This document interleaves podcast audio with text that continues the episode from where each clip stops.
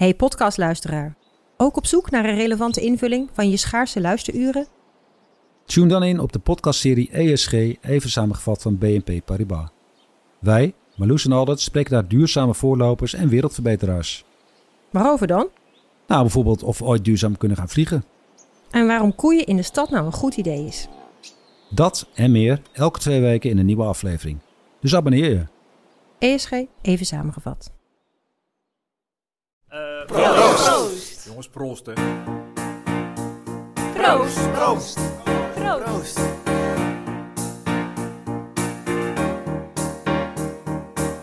Op elk feestje komt een moment dat je even je terug wilt trekken. Ga er even bij zitten. Op het NRC jubileumfeest waar je nu bent, hoef je echt niet de hele tijd tegen zo'n staattafel aan te leunen. Ik ben René Moerland en als hoofdredacteur van NRC zeg ik: ontspan. Even geen nieuws. Even geen deadline. Even niets anders dan luisteren, bijkomen. Naar wie mag je luisteren? Naar Arjen van Velen, de filosoof van het dagelijks leven. Want die heeft me toch iets ontdekt?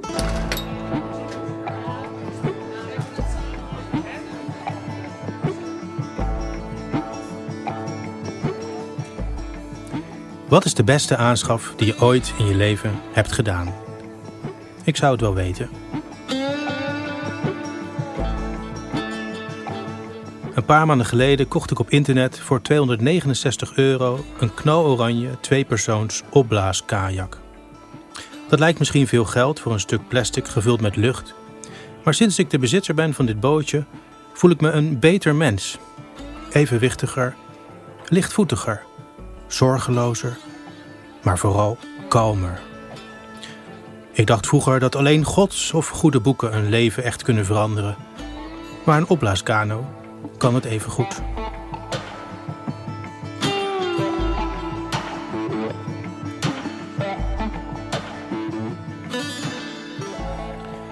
Dit voorjaar nog slenterde ik regelmatig met mijn ziel onder de arm door Rotterdam.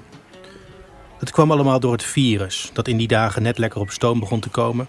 Het was de tijd van afgelastingen, afzetlinten en code oranje. De hele wereld ging dicht. Op een middag kwam ik langs de kade waar normaal gesproken bijna altijd wel een cruiseschip ligt aangemeerd. Of twee zelfs. Maar nu was de oever kaal en de rivier zelf leek ook leger. En bleker dan gewoonlijk. Uitnodigend leeg, bedacht ik opeens. Want jaren geleden, ik woonde nog in Amerika, had ik een keer met een vriend dagenlang over de Missouri en de Mississippi gepeddeld. We hadden allebei geen benul van de rivier. Hadden alleen een kano van gebutst aluminium. Maar dat bleek genoeg. Zelden voelde ik me zo vrij en sereen als die dagen op dat machtige water.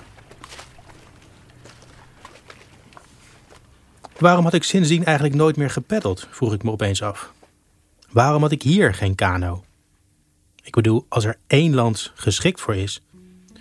En ja, ons huis is te klein voor zo'n aluminium bakbeest. Maar daar moest toch een mouw aan te passen zijn. En dus begon ik te googlen naar opvouwbare en inklapbare en uitschuifbare kajaks. Ik herinnerde me vaag het bestaan van die antieke vouwkano's. Je had het Oost-Duitse merk Klepper. Houten inklapbare frames met daarover rubber gespannen. Loodzwaar waren die boten en ze vroegen een bijna militaire toewijding. Maar tegenwoordig bleken de vouwkano's zo licht als veertjes te zijn. Je klapt ze in drie minuten uit, simpel als een pop-up tentje.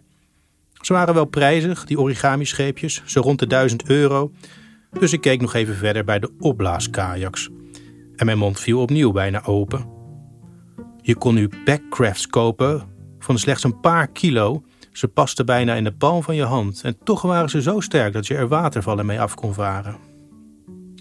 Ik keek een filmpje van een man die liefst 40 opblaasbare kajaks bezat. En nog had hij er niet genoeg.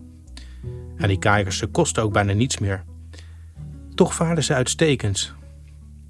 Zelfs de goedkope opblaaskajaks van de Decathlon doorsneden het water als klippers. Regelmatig, zo las ik, waagden vluchtelingen vanuit Calais de overtocht naar Engeland in zo'n huismerk kajak. En met succes. Maar ook in minder extreme omstandigheden hadden de rugtasbootjes grenzen verlegd. Zo las ik over een man in Londen die de stampvolle metro zat was en voortaan maar over de Theems in een opblaaskajak naar zijn werk peddelde, keurig in pak. En overal ter wereld bleken mensen per kajak te forensen. Vaak spraken ze over hun kanotochten als een mystieke ervaring. Een vrouw uit de buurt van Seattle bijvoorbeeld. Ze peddelde elke dag naar haar werk in haar zelfgebouwde kajak. Daar deed ze anderhalf uur over, in plaats van twintig minuten met de auto. Maar als door een wonder kwam ze toch uitgeruster aan op haar werk, zei ze. Ze verhaalde over ochtendelijke peddeltochten, verstilde wateren van spiegelglas, over ijle mistbanken waar het roze-oranje ochtendlicht doorheen sijpelde. Er klonk gekwinkeleer van watervogeltjes, geplons van opspringende visjes. Dat te maken met de nietigheid van de mens ten opzichte van de natuur en de vloeibare onvoorspelbaarheid van het hele leven. Ja, het klonk als de taal der bekeerlingen.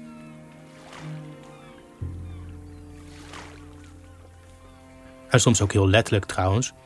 Zo was er een man uit het ghetto van Chicago wiens leven was veranderd sinds de aanschaf van een kajak. Want al peddelend had hij, behalve vogels en schildpadden, ook God gezien.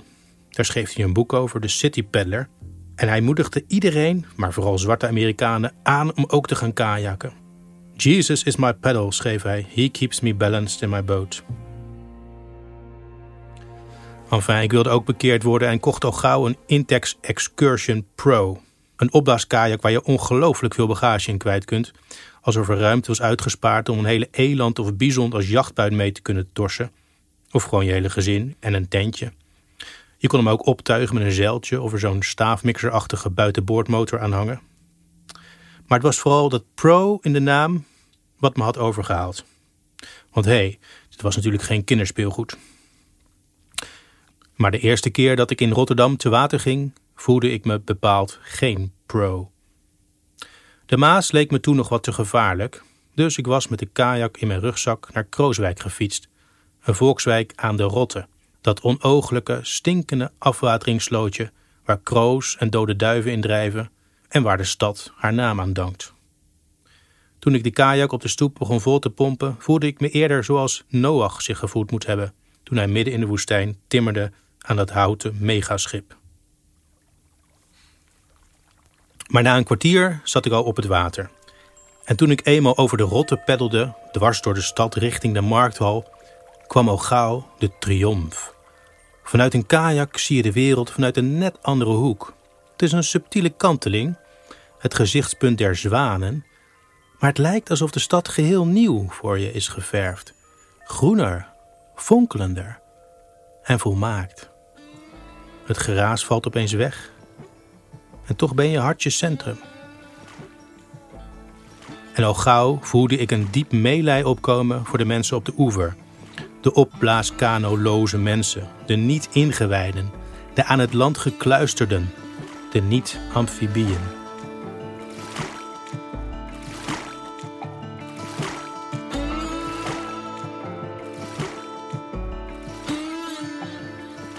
Enfin, er volgden die zomer meer tochtjes en tochten over meertjes en sloten, van de Betuwe tot aan de Biesbos. En terwijl de wereld op slot ging, ging de mijne juist open.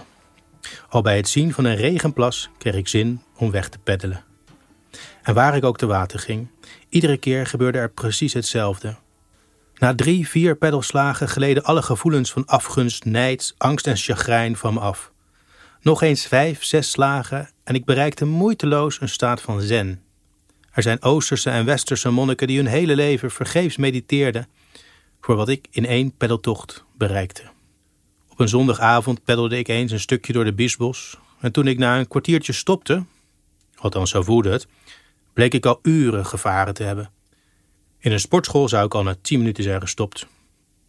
Hier helpt een goede peddeltechniek natuurlijk. Je moet met je romp meepeddelen, leerde ik eens van een ervaren, behulpzame kajakker. Anders verzuren je armspieren te snel. Maar er speelt ook iets anders mee. Het is de ritmische beweging van de peddelslagen, dat kalme, repetitieve geklots. Het werkt hypnotiserend. Het is het geluid van meditatie-apps. De meeste sporten confronteren je genadeloos met de logheid van je eigen lijf, de kilo's te veel. Maar in een opblaaskajak vergeet je je lichaam juist, het water teelt je. Je zou het levitatie kunnen noemen, of gewoon de wet van Archimedes. Maar mystiek kan het zeker voelen. En misschien klink ik nu zelf als zo'n bekeerling, maar dat ben ik dus ook. Er is gewoon geen betere manier om de massa te ontlopen. Fietspaden zijn tegenwoordig racecircuits. In een bos wandel je in kolonnen door moeder natuur over knerpende restanten van illegale raveparties. Maar het water.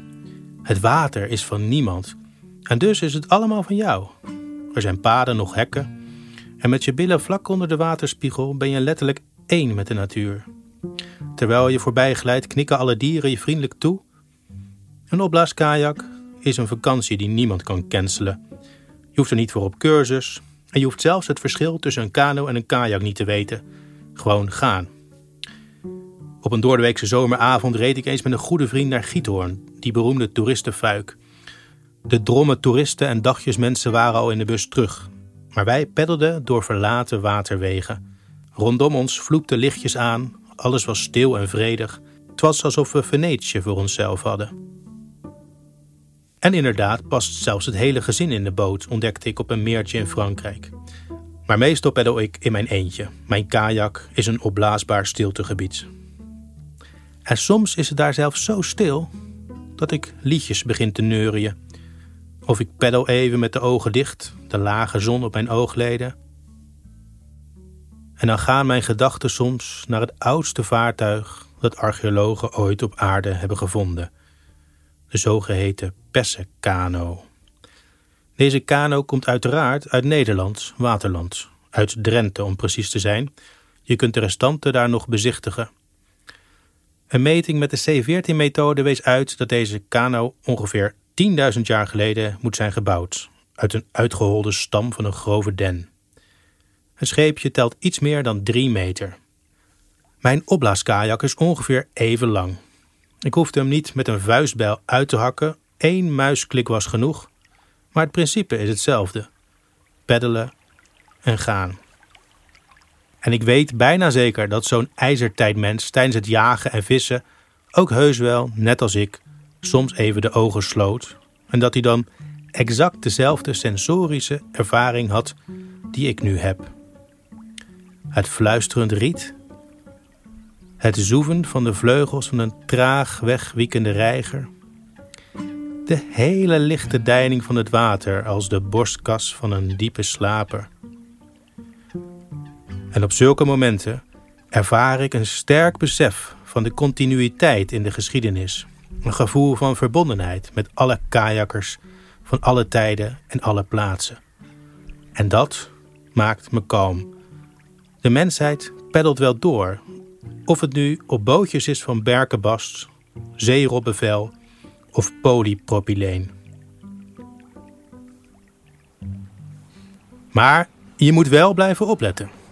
Afgelopen zomer, we waren in Bretagne op vakantie bij een kleine baai. En op een avond, de zon stond al laag, het zand gloeide nog na, werd ik bevangen door het verlangen nog even de ondergaande zon aan te tikken. Haastig, al te haastig, pompte ik de kajak vol. Er brak iets in de handpomp. Ik kreeg hem ook niet meer aan de praat. Geen nood, dacht ik, en met mijn eigen longen blies ik toen de luchtkamers vol. Ik duwde de boot de branding door en peddelde over een donkere zee naar de oranje gloed en naar wat zwarte rotsen in de verte. Toen ik weer terug wilde peddelen, leek ik juist verder van het strand te geraken. Als in zo'n droom waarin je wel rent en toch stilstaat.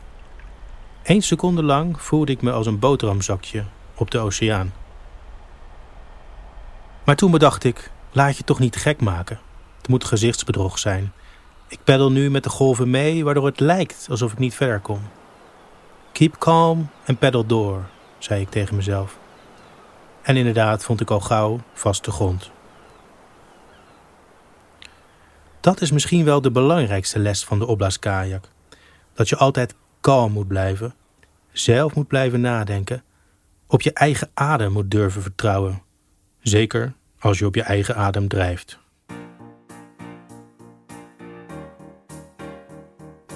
Het virus zal nog wel even blijven rondgaan.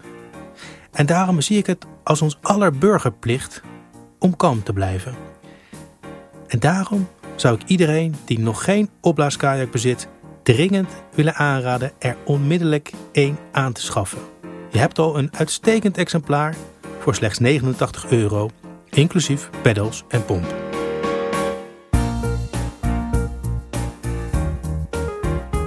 Dankjewel Arjen van Velen. Ik roei graag en ik herken absoluut wat je hier vertelt. En ik ben benieuwd hoeveel mensen ik binnenkort op de Maas, de Amstel, de Lek of de Waal zie peddelen naar jouw aanstekelijke verhaal. En dan is ons feest alweer bijna afgelopen. Bijna, want de laatste duizelingwekkende aflevering van Proost met natuurkundige Robert Dijkgraaf mag je echt niet missen.